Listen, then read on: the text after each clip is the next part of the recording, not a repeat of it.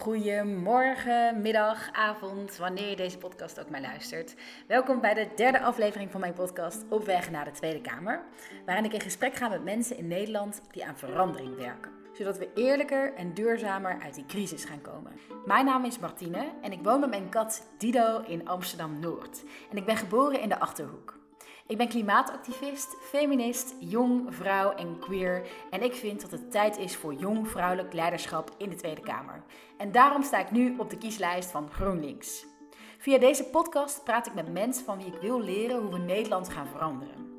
En in de derde aflevering praat ik met Janneke. Zij is toneelschrijver. En door corona zijn alle theaters al maanden dicht. Dus zoekt zij met andere creatievelingen alternatieve manieren om nieuwe verhalen te maken. We praten over de waarde die kunst en cultuur voor onze samenleving kan hebben en over het gebrek aan waarde dat politiek Den Haag eraan geeft. Er is flink bezuinigd de afgelopen jaren op kunst en cultuur en dat moet anders. En daarover gaan we in gesprek. Ik hoop dat je er veel van leert en ik wens je veel luisterplezier. Uh, ik ben Janneke, uh, 28 jaar en ik ben afgestudeerd als toneelschrijver. En nu werk ik anderhalf jaar uh, als toneelschrijver soms, maar ook podcastmaker. En ja, dat is zo overkomen eigenlijk, dat theaters dicht gingen.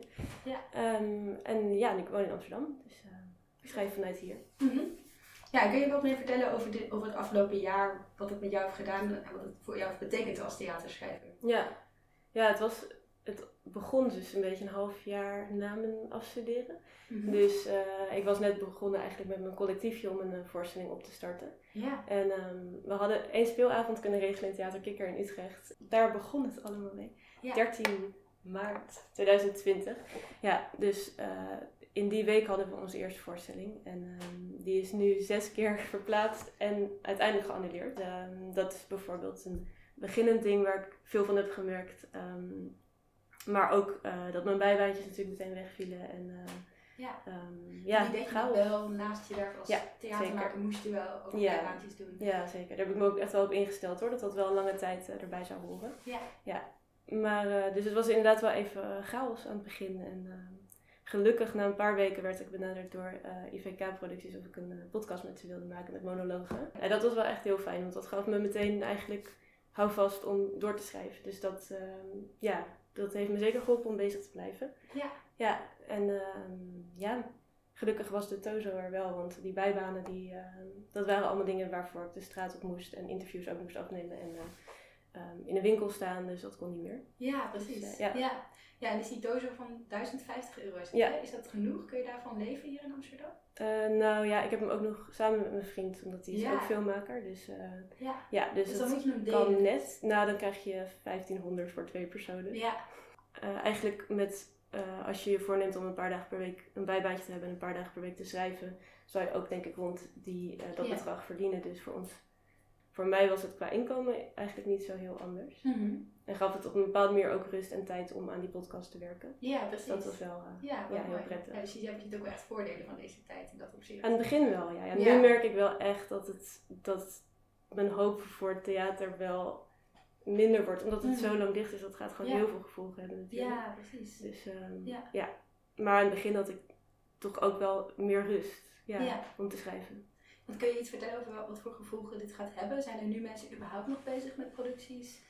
plannen? Of ja. alles, ligt alles gewoon helemaal stil? Nou, ik denk dat het nu minder wordt dat ze gaan plannen. Maar ik heb wel heel veel uh, in mijn omgeving gezien dat, dat er heel veel hoop was de hele tijd. Er zijn heel veel producties weer, heb ik zelf ook wel gedaan, veel ideeën weer opgestart. En weer afgezegd en weer opgestart. En weer, dus er werd zeker nog wel gerepeteerd ook. En uh, dat mocht ook weer op een gegeven moment. Dus.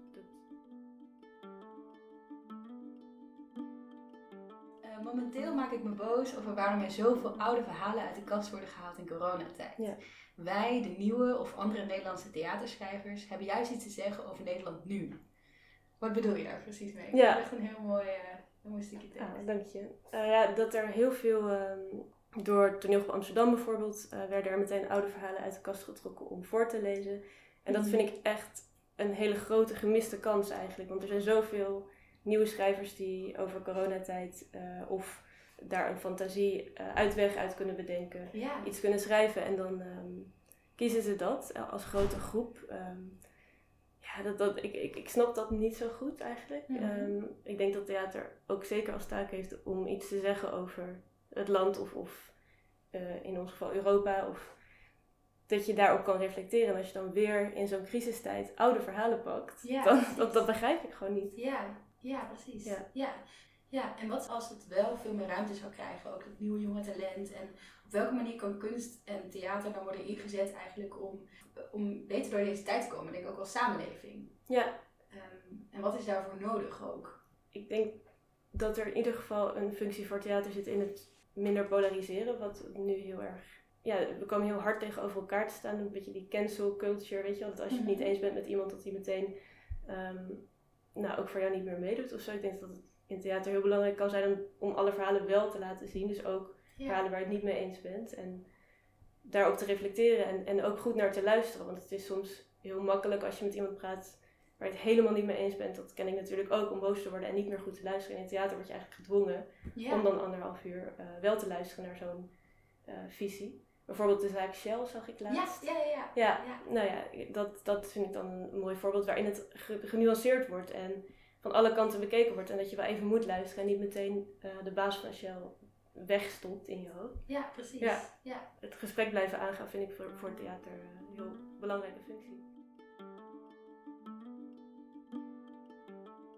Ja, dus kun je misschien een voorbeeld geven van, van wat er wel gebeurde en waarvan je wel dacht van op deze manier wordt echt kunst en theater goed ingezet en je krijgt het ook de ruimte die het verdient en de waarde die het verdient? Ja, uh, ja aan het begin waren we heel erg aan het zoeken denk ik naar hoe je dan online voorstellingen uh, presenteert en ik denk dat dat inderdaad met de zaak Shell en met um, Drie Zusters laatst uh, van toneelschuur en Eline Arbo wel heel goed gelukt is. Dat het um, toch meer het was ook allebei live geloof ik. Misschien maakt dat toch ook uit dat je geen registratie laat zien, maar echt toch nog het gevoel hebt dat die kwaliteit van het theater, dat het nu gebeurt, mhm. ook al heb je er geen invloed op als je achter een scherm zit, maar dat dat toch die vorm en ook de thema's van uh, de drie zusters van Eline Arbo en uh, de zaak Shell, dat zijn inderdaad verhalen van, die, die echt van nu zijn gemaakt. Want Eline Arbo heeft ook een heel stuk bij de drie zusters geschreven over dan uh, feminisme nu en daar ook liedjes van gebruikt die nu worden gemaakt samen met het oude verhaal. Dus dat vind ik dan weer wel heel goed werken. Ja. En ik kan me voorstellen dat dat beter verkoopt, omdat je toch die grote naam hebt van de drie zusters. Dus dat, dat werkt wel, vind ik. Ja, ja precies. Ja. En dat is natuurlijk de zaak Shell en feminisme en nou, hele, hele belangrijke grote onderwerpen die heel veel aandacht nodig hebben in deze samenleving en ook op politiek gezien. Op welke manier eh, draagt kunst en theater bij aan die transitie en aan een soort van toegankelijk maken ook van dit soort beladen onderwerpen? Hoe meer je erover leert en hoe meer je ook ziet wat het voor jou zelf betekent, hoe duidelijk het wordt. Maar ik ken heel veel vrouwen in Nederland die eigenlijk niet zich niet bewust zijn van genderongelijkheid. Dus op welke manier kun je theater inzetten om dat toegankelijk te maken? Dat het onderwerp. Ja, nou ja, misschien ook door het heel erg uit te vergroten wat er dan misgaat en dat ook met humor te laten zien. Uh, Waardoor je er, als je er eerst om lacht en dan een beetje een frank gevoel bij krijgt, dat je denkt, oh, maar dit gebeurt ook in mijn eigen leven, dat je dan als je het daarna weer ziet, omdat het uitvergroot in theaters laten zien, dat je het dan veel meer gaat herkennen en misschien ook wel iets tegen durft te doen. Maar ik moet ook meteen denken aan de, de Bitch en de Hoer, die podcast. Ken je die? Nee, ik niet. Nee. Oh, dat vond ik echt een hele goede, ook van theatermakers uh, Jacqueline Blom en Corine van der Zwaag. Oké. En um, die hebben volgens mij zes interviews gedaan, uh, ook met theatermakers, um, over feminisme en dat er steeds uh, in theater de bitch en de hoer uh, aan vrouwen wordt toebedeeld om te spelen. Ja. En um, dat er nog steeds veel uh, interessantere mannenrollen zijn. Ja, die is echt die is super om te beluisteren ook. Want daar heb ik zelf ook een veel genuanceerder beeld van gekregen wat er nog allemaal te behalen is. Ook in de theaterwereld. Zeker ook in de theaterwereld, maar ook wel in je eigen wereld. En ik denk dat ook het interview weer met Elina Arbo, dat dat me wel ook heeft aangezet om uh, in de kleine dingen zelf te veranderen. Dus je kan wel de hele tijd gaan prediken van uh, ik vind dat het zo moet. En, maar om het echt toe te passen in je eigen leven, dat, is, dat blijkt toch in ieder geval bij mij soms moeilijker. Omdat je echt die patronen, mm uh, ja, die zijn heel groot. En die moet je heel klein beginnen te doorbreken. Dus ik denk dat door zo'n interview dat dat me wel heeft wakker geschud om dat meer te gaan doen, bewuster als je kijkt naar jouw positie als jonge vrouw in de theaterwereld, hoe zou je dat omschrijven? Wat betekent het om een jonge vrouw te zijn in de theaterwereld? Ik denk ergens dat, nou, ik weet niet of het een voordeel is, maar ik zie het in ieder geval niet als een nadeel dat ik vrouw ben nu in de mhm. theaterwereld. Want ik denk dat er wel heel veel bewustzijn is dat verschillende stemmen nodig zijn. Dus. Ja. Maar dat is ook weer zoiets. Het bewustzijn is er, maar het, als je gaat opzoeken wie grote stukken uh, van nu hebben geschreven, of ook heel erg met tv-series en films, dan google ik altijd even wie het heeft geschreven. Is toch nog echt heel vaak mannen van uh, rond de 50, ook witte mannen. Maar ik denk dat bewustzijn is er en ik hoop dat we de, dat dan nu ja, meer kansen uh, worden gemaakt dan ook voor ons.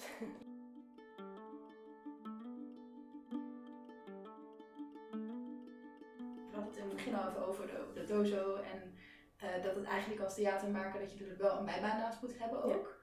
Um, hoe, in, hoe, hoe zou het ook kunnen?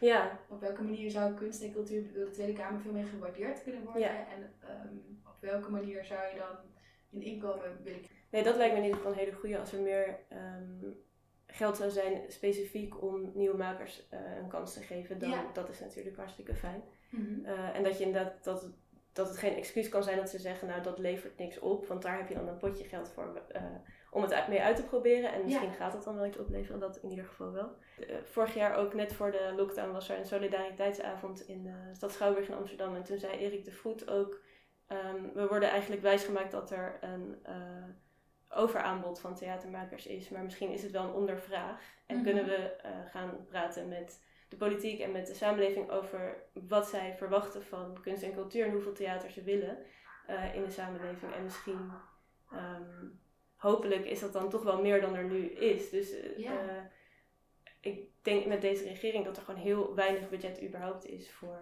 uh, theater natuurlijk. En als, we dat, als mensen dat willen veranderen, dan moeten ze toch ook echt een beetje anders gaan stemmen. En ja, dat hoop ik wel. Zo'n vurig betoog als uh, Corinne Ellemeet, mhm. die bij de uh, debat voor uh, cultuur met minister van Engels over, dat was ze echt zo vurig en goed kon ze opkomen eigenlijk voor wat er financieel nog niet klopt in de theaterwereld. En als, als meer mensen dat horen en het ermee eens zijn, kan ik me wel voorstellen dat je dan toch iets anders gaat stemmen. Dus.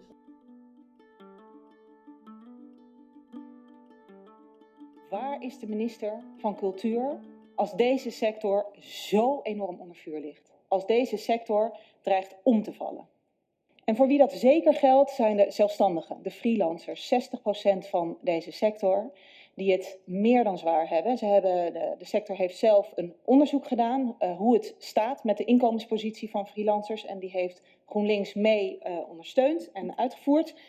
De gemiddelde gemiste inkomsten van freelancers in de zorg zijn tot 2021 20.000 euro. En ook in het volgende jaar, dus vanaf 2021, is de gemiddelde gederfde inkomsten 14.000 euro. En ik heb hier een overzichtje meegenomen van de gederfde inkomsten. En dan zie je bijvoorbeeld de groep uh, kunstenaars die tussen de 75 en een ton inkomsten mislopen. En wat krijgen ze daarvoor terug? Ongeveer 5.500 euro van alle steunmaatregelen die het kabinet treft. Dit zijn mensen met gezinnen, met hypotheken, mensen met partners die ook niet altijd veel verdienen. Dit is de situatie voor 60% van deze sector. Dit is schokkend. En laat ik daar ook bij vermeld hebben dat 60% van die zelfstandigen niets vanuit de TOZO 2 krijgt.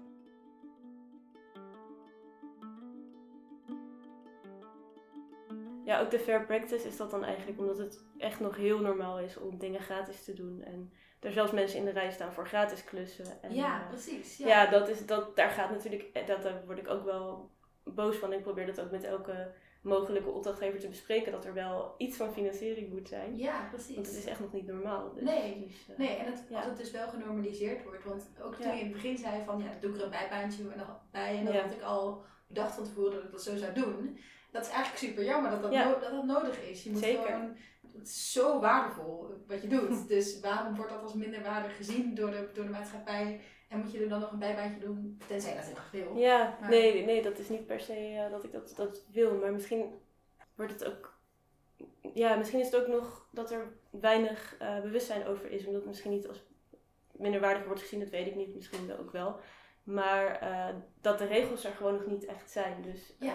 Ik weet dat Malou Gorter daar voor acteurs ook heel hard mee aan de slag is bij mm acteursbelangen bij ACT. Ja, en, um, dat is, zij werkt daar? Ja, zij leidt dat uh, eigenlijk, komt daar ook uh, in, in talkshows voor uit dat, dat die fair practice dus ook voor acteurs nog lang niet is wat het moet zijn. Ja. Um, ja, en dan kom je ook weer bij die ondervraag en het over aanbod, denk ik, van is wat, ja, we weten misschien niet, het wordt heel erg geframed alsof, het, alsof we met te veel zijn, maar als je het echt aan de samenleving zou vragen, dan weet ik niet wat eruit komt. Misschien vinden die ook dat we met te veel zijn, maar het kan ook um, nog niet bewust zijn of zo. Ja, precies. En als het dan echt te veel is en als het voorlopig niet gaat veranderen, dan moeten we misschien minder mensen aannemen op kunstopleidingen, omdat het niet voor iedereen werk is. Mm En dan kan je de mensen die er echt mee doorgaan, misschien gewoon betere lonen um, bieden. Ja. ja, precies. En dan wordt het ook weer meer gerespecteerd omdat je echt mee, ermee verdient. Ja, ja inderdaad. Wat is eigenlijk het publiek wat je nu in theater vooral ziet? Is het, is het toegankelijk voor iedereen? Ja, nee, dat is ook altijd een goede vraag natuurlijk. Um, ik denk het niet. Nee, dus ik denk dat het ook heel goed is dat het uh, bewust diverser wordt gemaakt nu uh, welke stemmen um, uh, mee gaan denken en mee gaan schrijven. Dat vind ik echt heel goed. Mm -hmm. want inderdaad, ik, ik, ik, zie ook vaak een, een linkse elite-achtig. Ik, ik hou niet van het woord elite, maar nou ja, dat, ja, zo zou je het kunnen. want... Ja, ook al wordt er wel echt heel veel gedaan aan, um, volgens mij, aan het toegankelijk maken van uh, um, theaterstukken. En ook wel, nu is ook heel veel gratis bijvoorbeeld, ja. in coronatijd. Mm -hmm. um, maar omdat die verhalen dus vaak ook gaan over de groep die in de zaal zit, is het denk ik heel goed dat dat uitgebreid wordt naar allerlei verhalen waar andere mensen zich weer in kunnen herkennen. En ja, dat is uh, een chaotisch begin van die beweging, denk ik, maar wel heel goed. Dat en als je kijkt naar de vorm, zou dat ook in een ander, want je hebt nu natuurlijk een, een theater, zoals ik het voor me zie, is het een publiek wat op een stoel zit met een podium. en, je, maar, en we hebben het natuurlijk al gehad over een podcast waar je ook op een bepaalde manier dan theater in kunt stoppen. Maar zie je dat corona daar ook andere vormen voor gaat bedenken? En misschien straks ook wel in leven blijven als corona voorbij is? Ja, ik, heb wel grappige vormen gehoord. Ook dat mensen vanuit auto's uh, theater of uh, dan registraties willen gaan kijken en meer performance ook, waar je dus heel weinig mensen aanspreekt. Ja. Maar ik heb zelf nog niet echt vormen gevonden of gezien waarvan ik echt hoop dat ze blijven. Want ik mis vooral eigenlijk heel erg het live samen zijn. En ja, precies. Ja, dat werkt toch echt wel heel anders hoor. Dat je met z'n allen tegelijk luistert en je voelt de aanwezigheid van zo'n zaal die ook het toneelstuk kan beïnvloeden. Dat vind ik wel heel veel waard. Ja,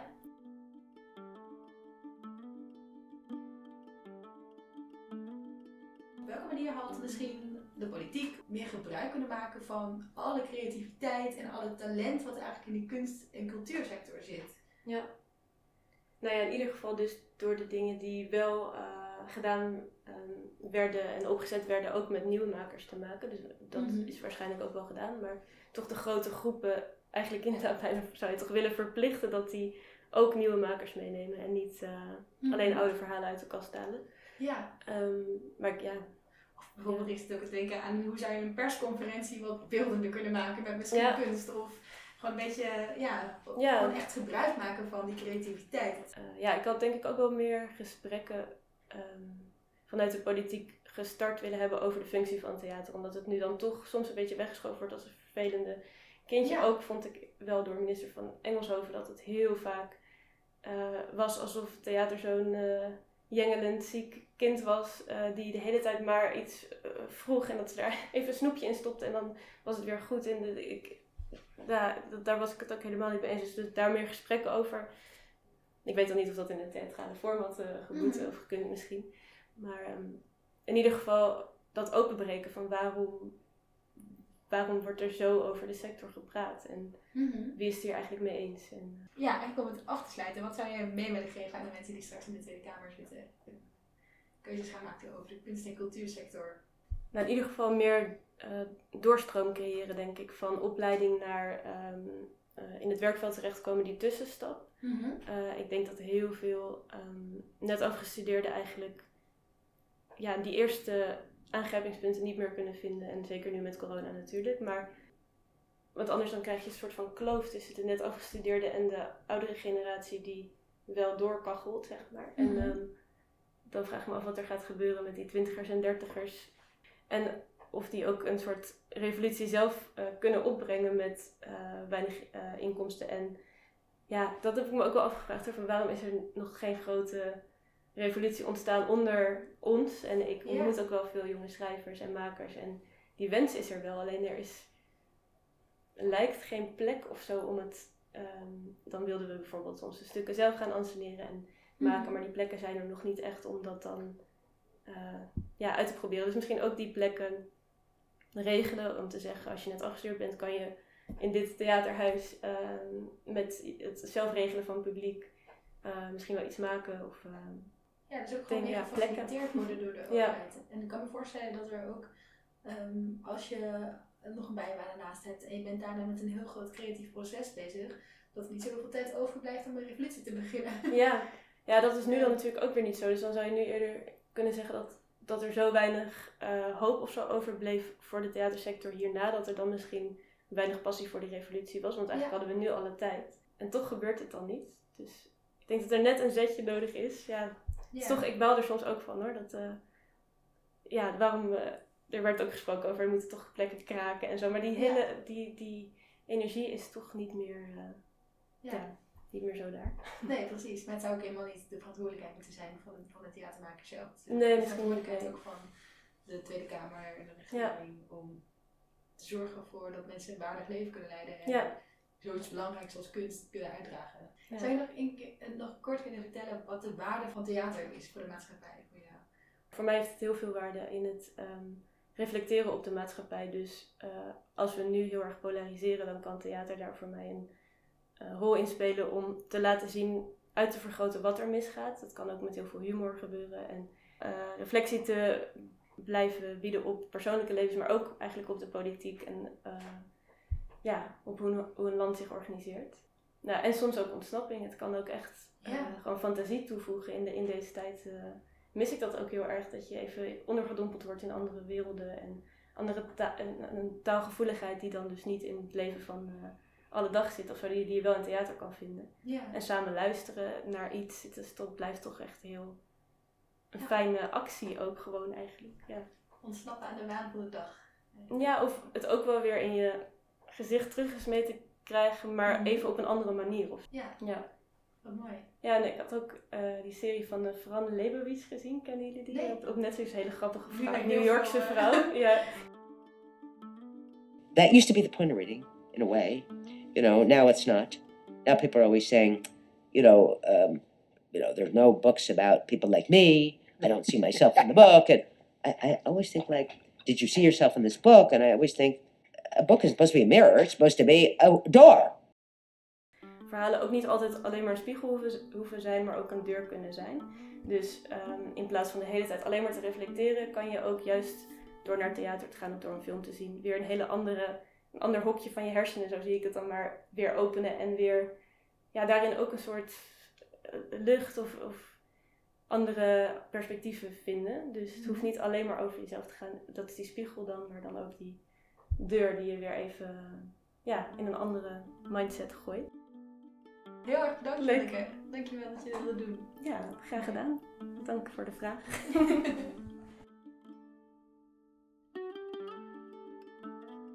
Na de opname praten Janneke en ik nog even na en ze benadrukt dat er toch ook wel veel hoopvolle initiatieven zijn ontstaan in coronatijd. Dat er voor haar en haar vriend ook het afgelopen jaar periodes waren dat er geen tozer nodig was. En ze benadrukt ook dat ze hoop en vertrouwen heeft dat de kunst- en cultuursector met de juiste ondersteuning van de overheid straks weer openbloeit. Zodat we het optimaal kunnen inzetten om weer dichter bij elkaar te komen en zodat we samen duurzaam uit de crisis gaan komen. In de volgende aflevering ga ik in gesprek met Fenna. Zij is biologiedocent op een middelbare school in de buurt van Den Bosch. En we praten over de uitdagingen van online lesgeven en over het belang van kleinere klassen. Tot de volgende keer. Doei! Thank you.